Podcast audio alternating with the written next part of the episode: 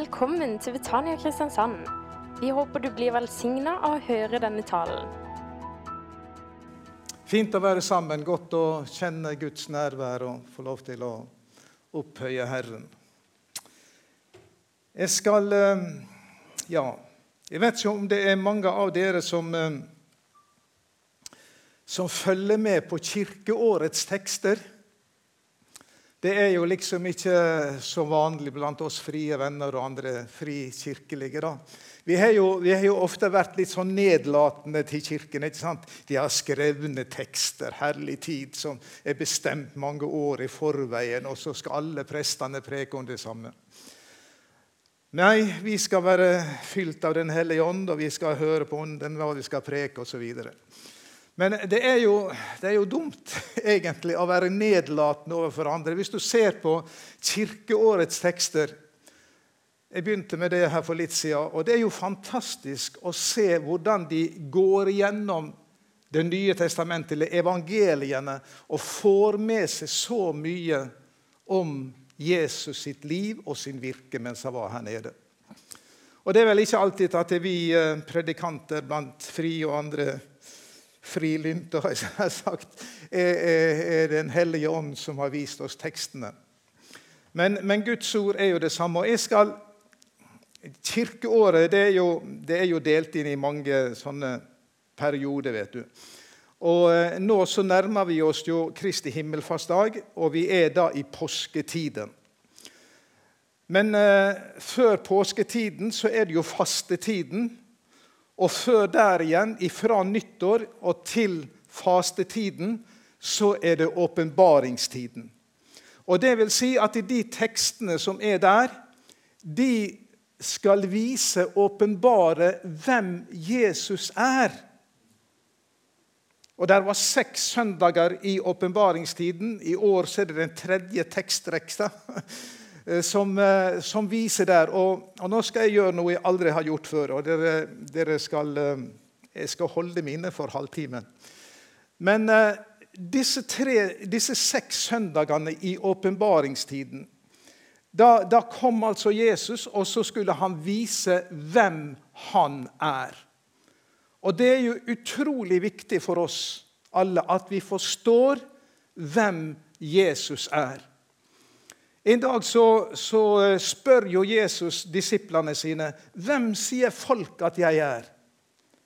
Og De hadde jo mange svar. Noen mente det var en av profetene som hadde stått opp igjen, og døperen Johannes osv. Og, de, de sa det som de hadde hørt av folk og ment om hvem Jesus var. Og så sier Jesus, 'Ja, men dere, hvem sier dere at jeg er?' Og Da vet vi at eh, Peter, Simon Peter han svarer, 'Du er Messias, den salvede Guds sønn'. Altså, Han hadde en rett forståelse av hvem Jesus var. Og hva sier Jesus til det? Jo, da sier han, 'Salig er du, Simon, Jonas' sønn'.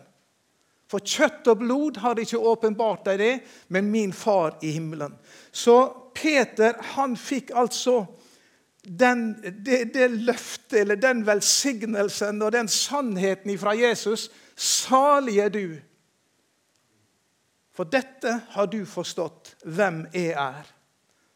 Så det var altså ikke nok å, å, å, tenke at han var en god mann, at han var en profet, at han var en av de gamle profetene eller Johannes døperen som hadde stått opp. Men de måtte vite hvem er Jesus og I det lå at eh, han kunne utnevnes eller han kunne proklameres til å være salig.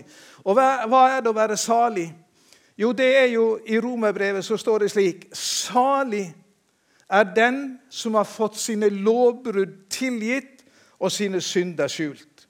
Salig er det mennesket som Herren ikke tilregner synd.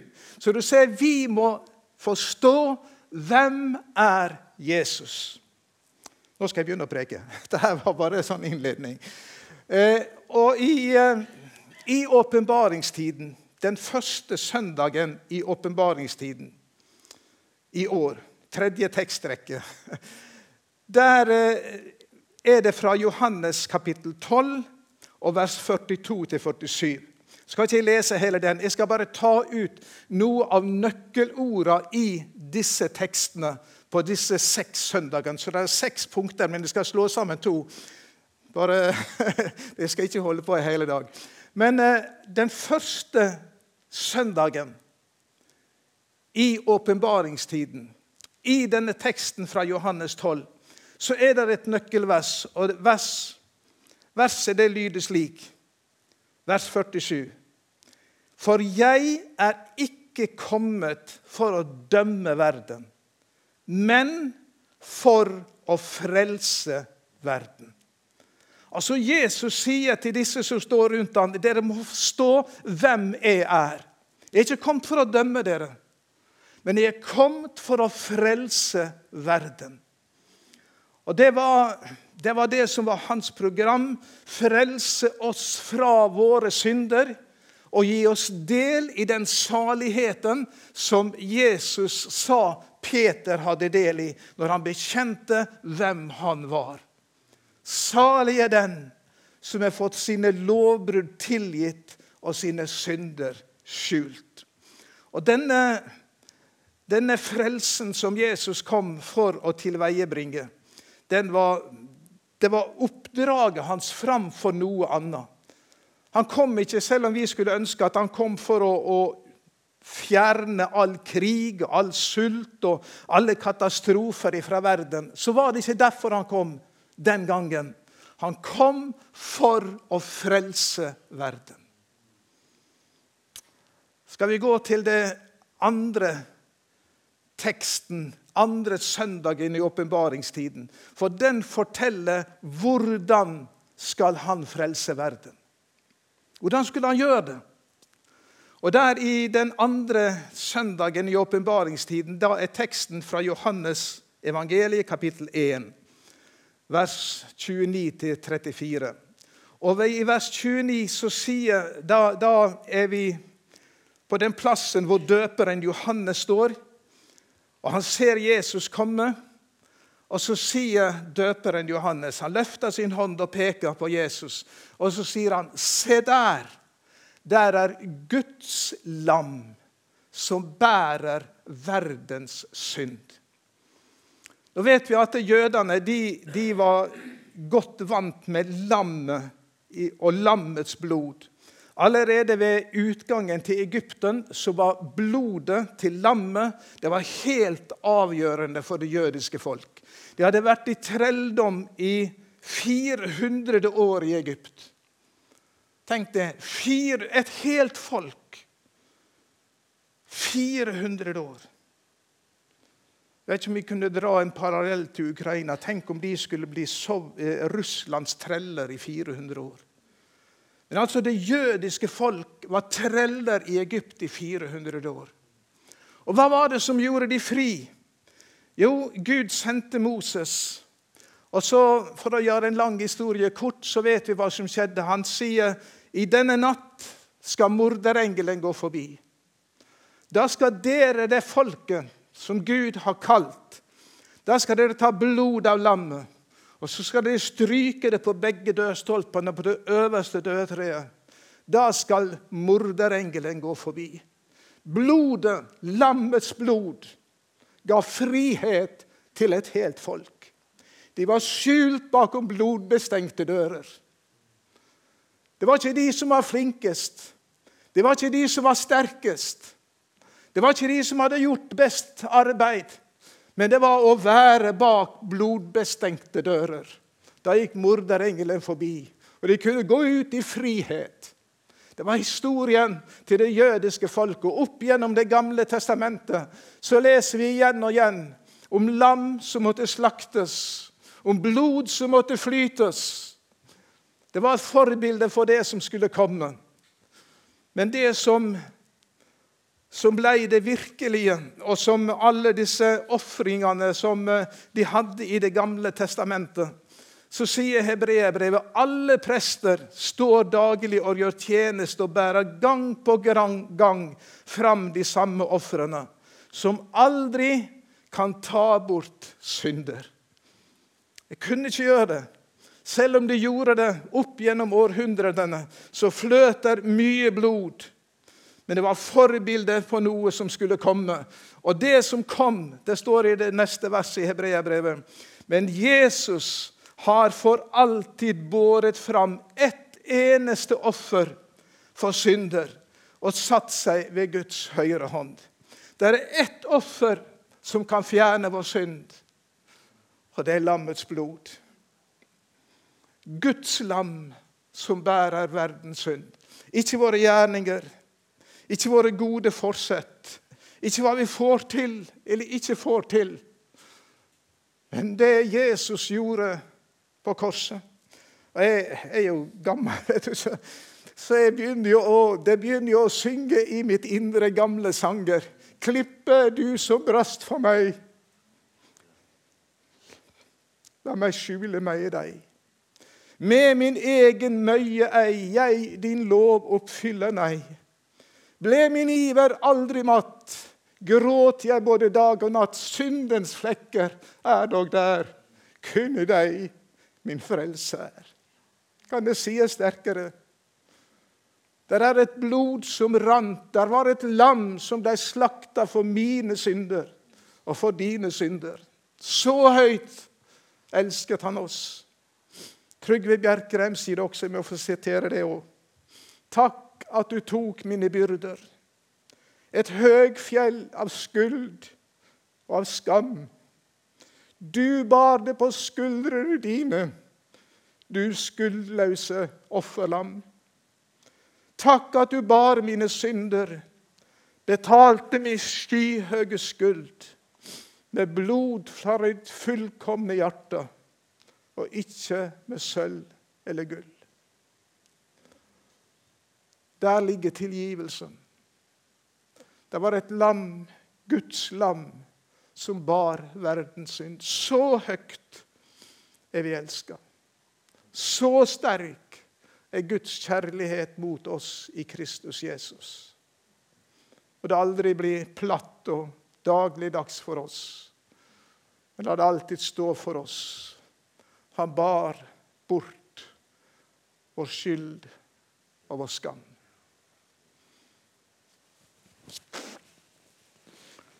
Så er det jo spørsmål hvordan skulle vi få del i det, da? Det var jo liten hjelp i at han, han gjorde det, hvis ikke vi fikk del i det. Vi må Og det Unnskyld.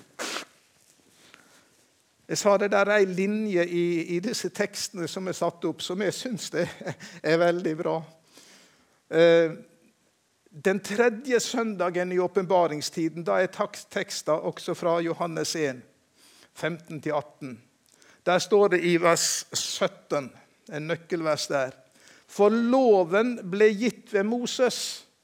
Nåden og sannheten kom ved Jesus Kristus.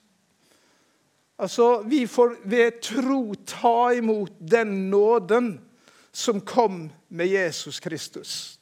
Det er nåde nok for alle mennesker. Vi graderer store og små synder. Og Vi syns noen de synder mye, og noen synder mindre.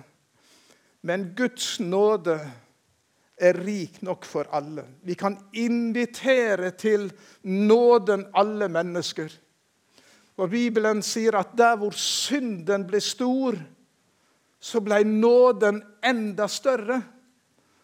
Så der er altså frelse å få for alle. Vi kan invitere alle. Det er nåde nok for alle. Det var nåde for deg, og det var nåde for meg. Der synden ble stor, så ble nåden enda større. Og Når vi ved tro tar imot Guds nåde Av nåde er dere frelst ved tro, sier Paulus i Efeserbrevet. Og da opplever vi for vår egen del det som Ole Kristian talte om forrige søndag. Rødt blir til hvitt. Om deres synder er røde som skarlagen, skal de bli hvite som snø. En nåde over nåde.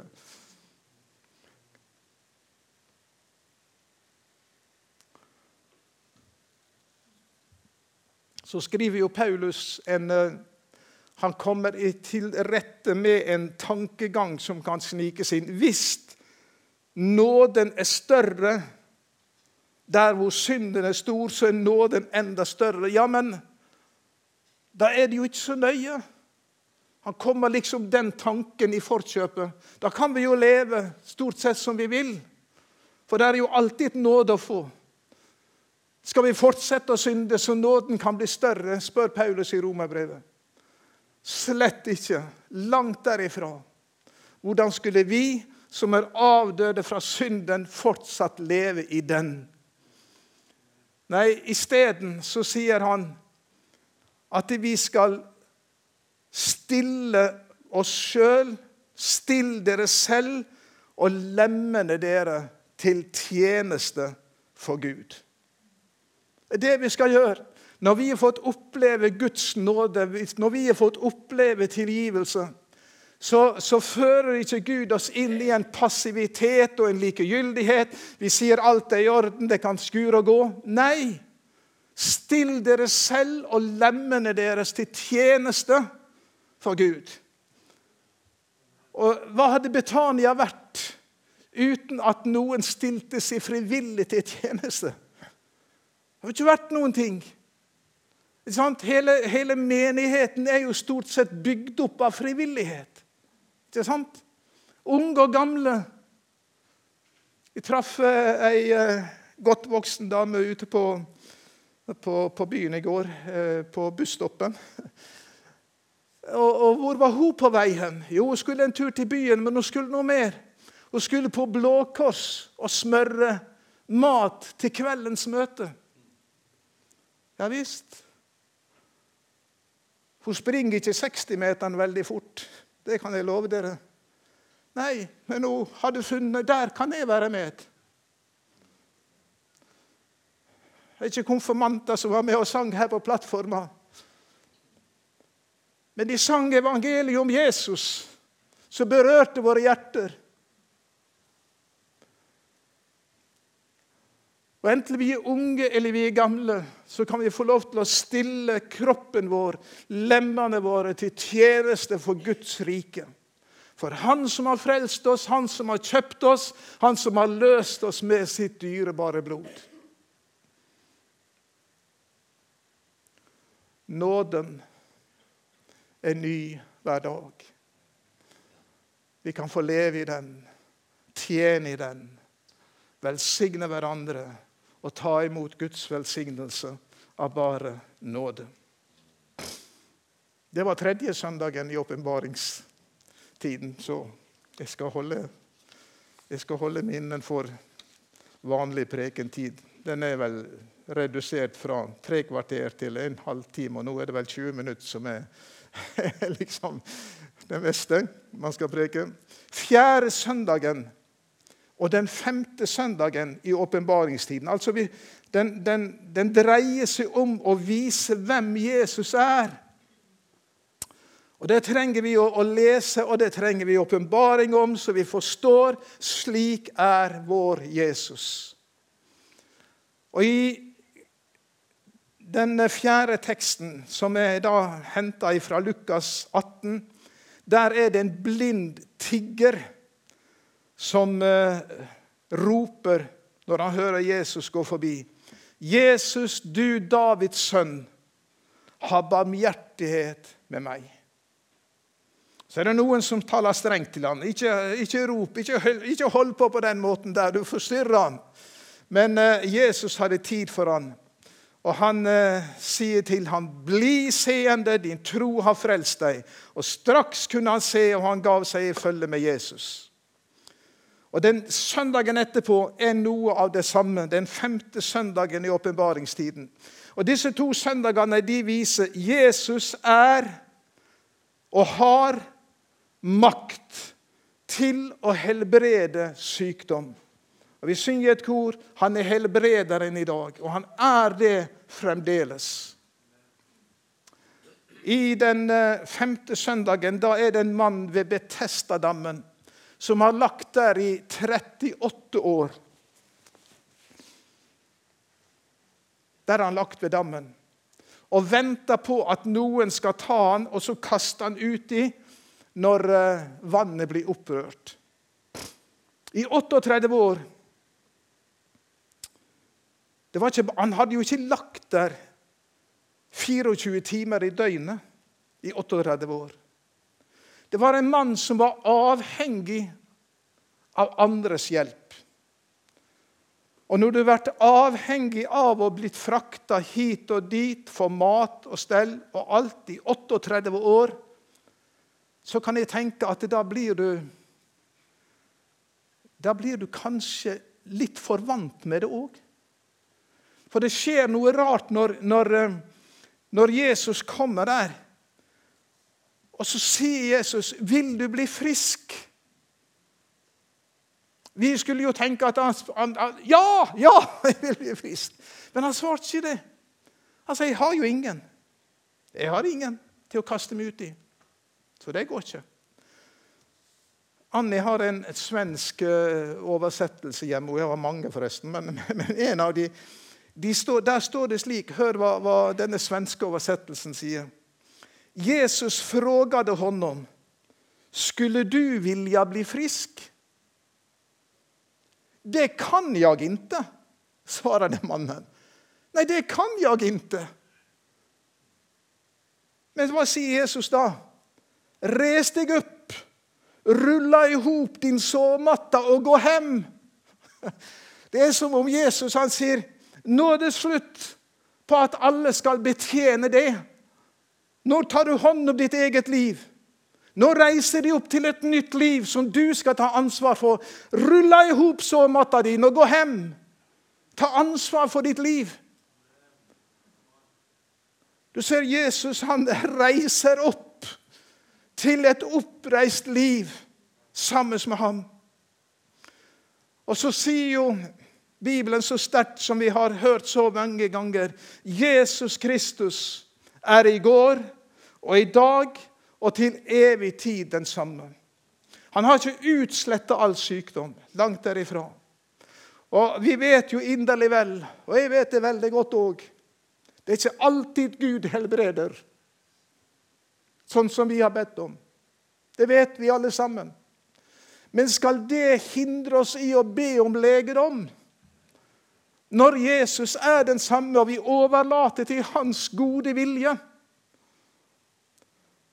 og vi skal slippe å holde sirkus med helbredelse. Det er for vondt og vanskelig å være sjuk til det. Men vi skal få lov til å gjøre som de første kristne gjorde. Var det, de, var, de, var, utsatt for forfølgelse. Det, det, det var mye som sto på spill. Skal evangeliet om Jesus bre seg, eller skal vi resignere pga. motstand? Hva var det de gjorde? De samla seg, og så ba de. Herre, rekk ut din hånd, så det skjer helbredelser, tegn og under ved din hellige tjener Jesu navn. Det var det de trodde på.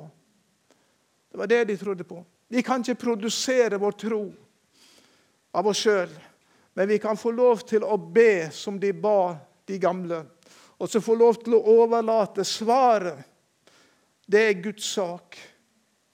Men vi kan få lov til å be den samme bønnen 'Herre, rekk ut din arm' til helbredelse, til tegn og til undergjerninger ved din hellige tjener Jesu navn. Vi er ikke bare en interesseorganisasjon som kommer sammen i Betania. Vi kommer sammen om en som er stått opp fra de døde, som brøt dødens lenker og bånd, og som har all makt i himmel og på jord. Og vi må minne oss om det. Der er en Gud som rår, der er en Gud som kan. Og Når vi ikke forstår hva han gjør eller ikke gjør, så overlater vi det til Herren. Men det er også løfte om at vi kan salve de syke, be for dem, salve dem med olje. Og Herre, troens bønn skal hjelpe den syke, og Herren skal reise opp igjen. Og Når han ikke gjør det, når vi ikke har svar for det, så overlater vi det òg til Gud den allmektige, som vet mer enn alle oss.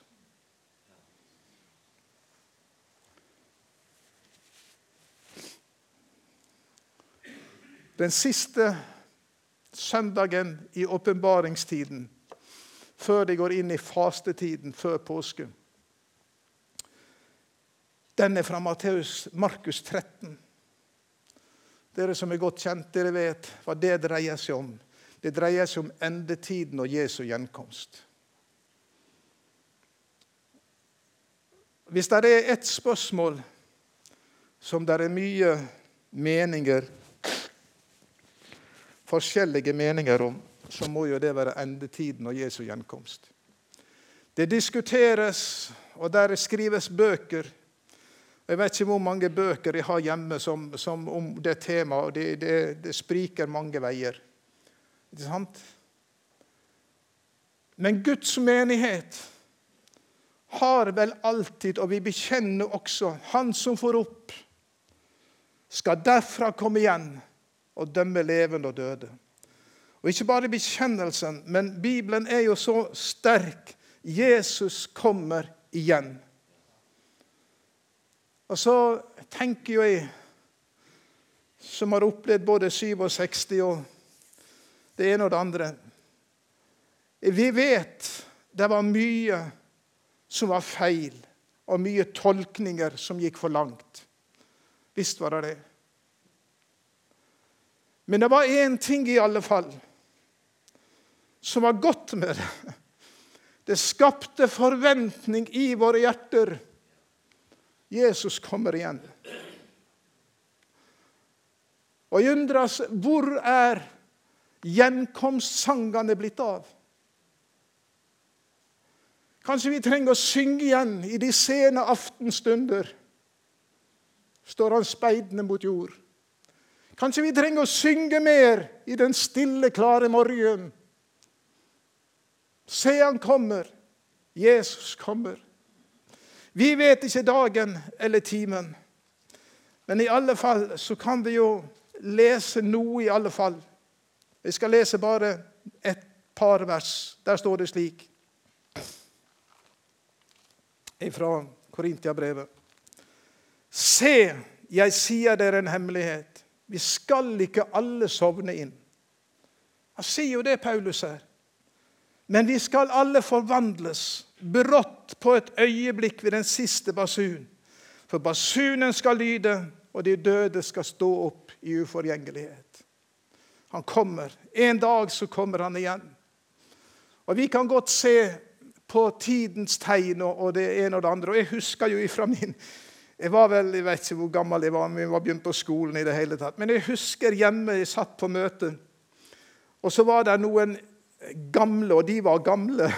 Det var ikke bare at jeg syntes det, men de var gamle. Men de kunne mye av Bibelen utenat.